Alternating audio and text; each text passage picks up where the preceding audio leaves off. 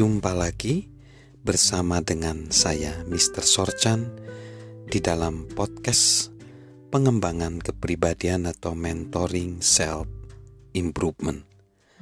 Saat ini kita akan membahas tentang bagaimana sih berkontribusi dari potensi terbaik kita. Ada pengalaman yang sangat diingat oleh John C. Maxwell. Ketika dia masih muda, ada seseorang datang kepada dia bernama Benny Harris. Dia seorang anggota dewan dari komunitas yang dipimpin oleh John C. Maxwell. Tetapi John C. Maxwell sudah pindah dari daerah Hilham menuju Lancaster. Setelah enam bulan pergi dari Hilham, dia diceritakan bahwa komunitas tersebut telah mengalami penurunan drastis dari 300 orang hanya menjadi 100 orang. Lalu John C. Maxwell merasa sedih, hampa, dan tidak bisa menanggapi berita itu. Dia kemudian pergi keluar ruangan, berjalan berkeliling, mencoba menjernihkan pikiran, merasa tidak enak, dan terus mengulangi pertanyaan yang sama sama dirinya sendiri. Apa yang salah? Ketika dia berkarir di Hilham, dia merasa puas. Dia bangga atas pencapaian dia. Reputasi dia adalah sangat luar biasa. Dia mengembangkan komunitas kecil menjadi reputasi seperti Superman dia seperti Superman yang melompati gedung-gedung tinggi dan mengembangkan. Dari tiga orang saja, komunitas tersebut tumbuh jadi 300. Dia udah bekerja keras mengembangkan, berkarir, memberikan yang terbaik. Namun, mengapa itu runtuh seketika? Apa yang terjadi? Dia bertanya-tanya Bagaimana semuanya bisa hancur begitu cepat? Mengapa semuanya berantakan? Siapa yang harus disalahkan? Pada waktu itu usia John C. Maxwell masih umur 20-an. Dia sangat penuh energi dan dia hampir membutuhkan waktu enam bulan untuk memikirkan semua kesalahan sampai dia seperti dihantam satu ton batu bata. Dia menemukan akar masalahnya, yaitu dirinya sendiri. Pernahkah kita memutar otak untuk memecahkan masalah, namun akhirnya mengetahui kita sendiri penyebabnya?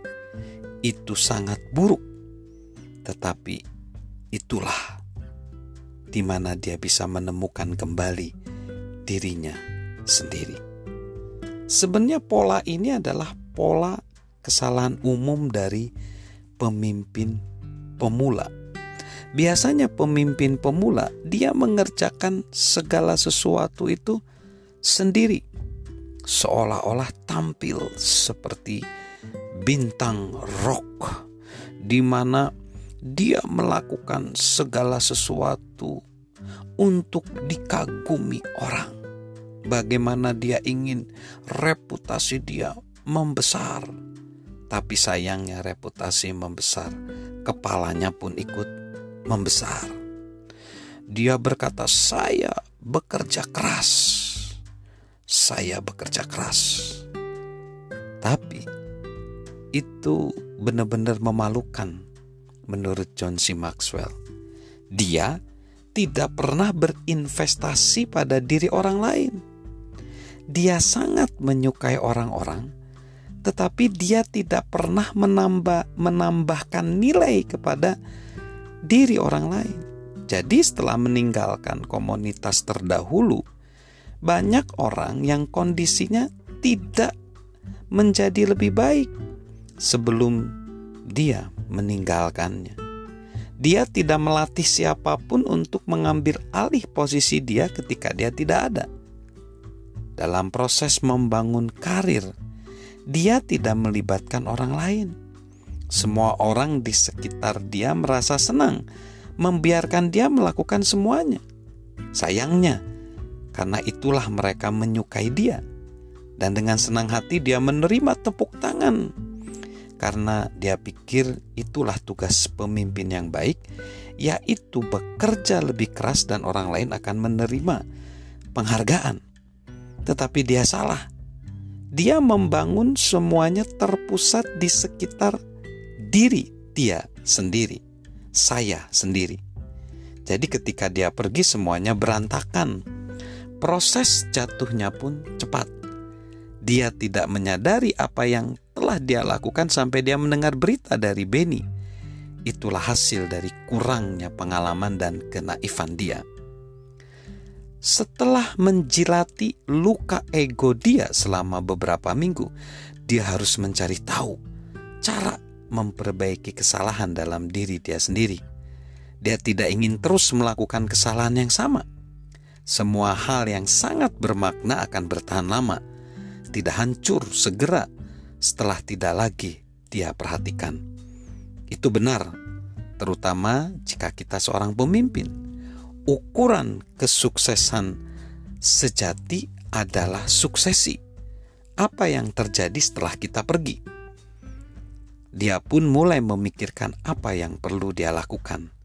Langkah pertama dalam memulihkan kondisi itu sudah jelas.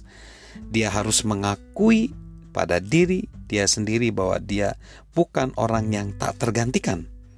Dia harus berhenti melakukan hal-hal yang membuat dia merasa tak tergantikan. Dia perlu mengalihkan fokus dia, alih-alih membuat perbedaan untuk orang lain.